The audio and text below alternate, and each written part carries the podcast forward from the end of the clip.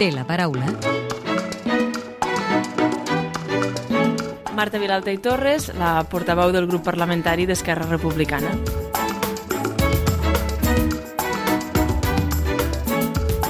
La mesa del Parlament ha acordat aquesta setmana presentar al·legacions davant la Junta Electoral per defensar l'escó de Laura Borràs, al·legant, tal com diu el reglament de la cambra, que la retirada de l'acte de diputat només es pot fer amb sentència ferma. A ulls de la ciutadania no creu que pot semblar contradictori defensar l'escó de Borràs però al mateix temps demanar-li que faci un pas al costat?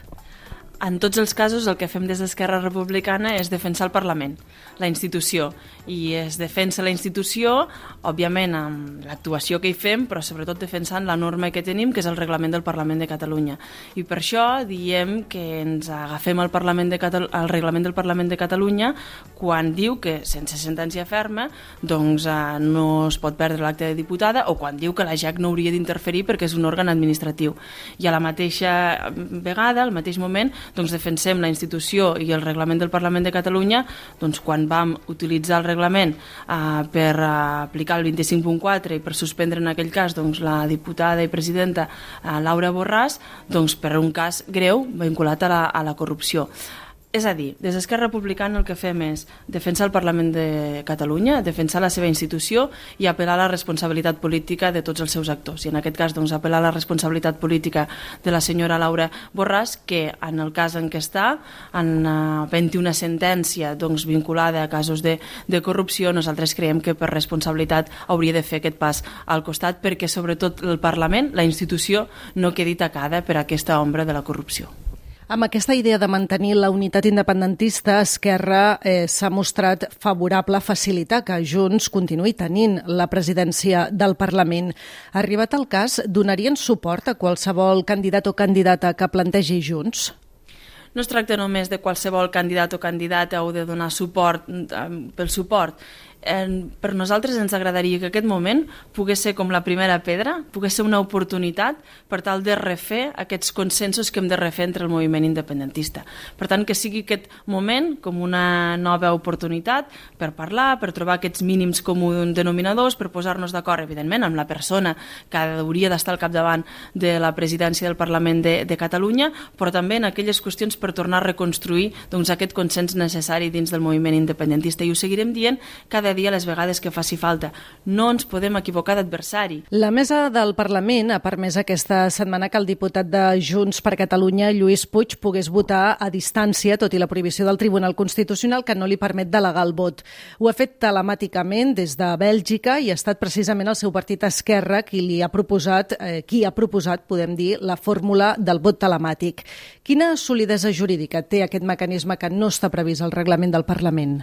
Davant la manca de propostes alternatives i davant d'aquesta sentència i aquesta ingerència judicial, per cert, a instàncies del Partit Socialista de, de Catalunya, doncs hem començat a, a, a imaginar, a pensar i a construir una solució per defensar i garantir el seu dret a vot. I per tant ens agafem novament al reglament del Parlament de Catalunya en el seu article 4.2 quan diu que tots els diputats i les diputades tenen el dret a vot i el dret a votar tant en comissió com en ple. Doncs bé, aquest és un dret superior que creiem que hem de preservar i malgrat no hi hagi cap altre article que reguli encara el vot telemàtic al nostre reglament aquí al Parlament de Catalunya, creiem que és un bé superior. El dret a vot d'un diputat i diputada, que és el dret a la representació política que té de, de la ciutadania que l'ha votat, a ell i a la resta de, de diputats, doncs el que han votat a ell, doncs eh, creiem que és un bé superior que cal preservar i, i que no podem quedar amb els braços plegats davant doncs, d'una doncs, sentència que li anul·lava una altra fórmula com era la delegació uh, de vot. En paral·lel,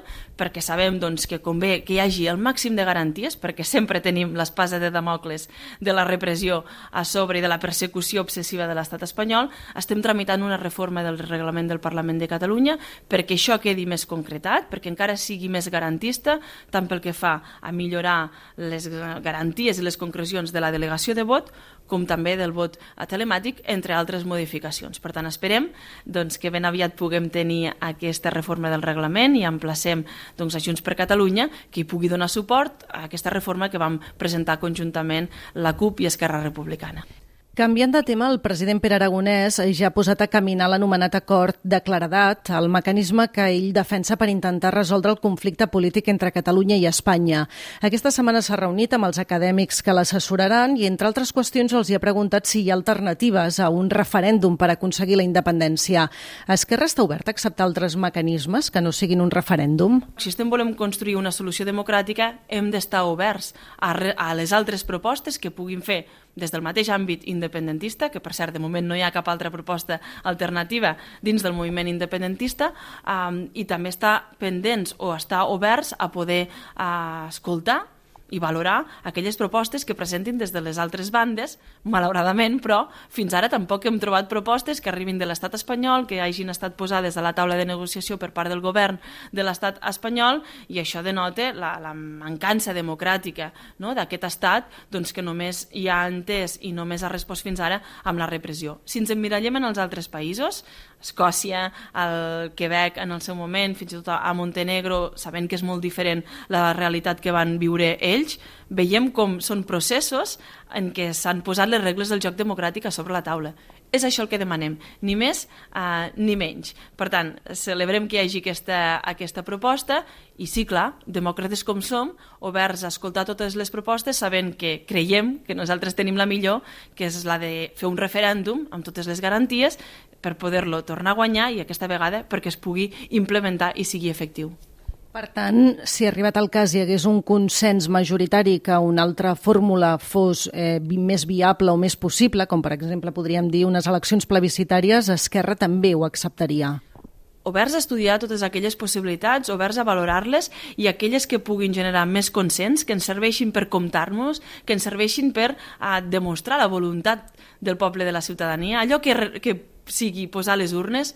és uh, útil per resoldre un conflicte que és democràtic. Nosaltres considerem que la millor eina és el referèndum, perquè és aquella que ens interpel·la tots, que és inclusiva, que pregunta a tothom, que ningú se'n se exclòs, que a més a més ja ha estat utilitzada en altres uh, països amb experiències que ens han precedit, però evidentment sempre oberts a escoltar i a poder construir un consens i una alternativa que serveixi per resoldre el conflicte polític i a tensar-nos al que nosaltres voldríem, que és la República Catalana. Si li sembla bé, ens endinsem ara ja en el terreny més personal i sí que li demano si pot contestar amb respostes tan breus com sigui possible.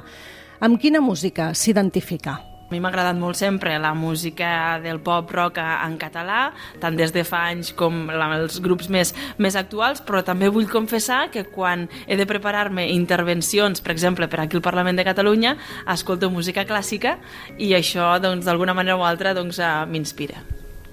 Quin diputat o diputada ideologia a banda fitxaria per Esquerra? He tingut la sort de poder treballar i descobrir més una diputada, la diputada de la CUP, Montse Vinyets, i crec que seria un bon fitxatge, certament. Quin llibre recomanaria per Sant Jordi? Mira, ja m'he comprat un llibre i per tant eh, el recomano perquè crec que serà un dels més venuts aquest any, que és el de la gran enciclopèdia del Barça que han escrit els de la Sotana i que crec que, vaja, que serà un èxit i que està bé doncs, que puguem llegir la història del club, ara que s'està intentant revisionar aquesta i reversionar aquesta història, però fer-ho també amb un toc d'humor que també va bé. Igualment hi ha un altre llibre que crec que també serà un dels grans aquest any, que és el Premi Sant Jordi d'enguany, que és el de les nostres les mares de la Gemma Ruiz i que també doncs, crec que el faig extensiu a tothom. I ja per acabar completi la frase següent, el que més m'agradaria del món és que seguim treballant perquè segueixi havent món, fer sostenible el planeta, el, el món i poder, doncs això, seguir garantint la vida al nostre planeta. Marta Vilalta, portaveu d'Esquerra Republicana al Parlament, gràcies per atendre'ns a l'hemicicle de Catalunya Informació. Moltes gràcies a vosaltres. Podeu tornar a escoltar l'Hemicicle al web catradio.cat barra hemicicle o al podcast del programa i seguir l'actualitat del Parlament al perfil de Twitter arroba L-hemicicle.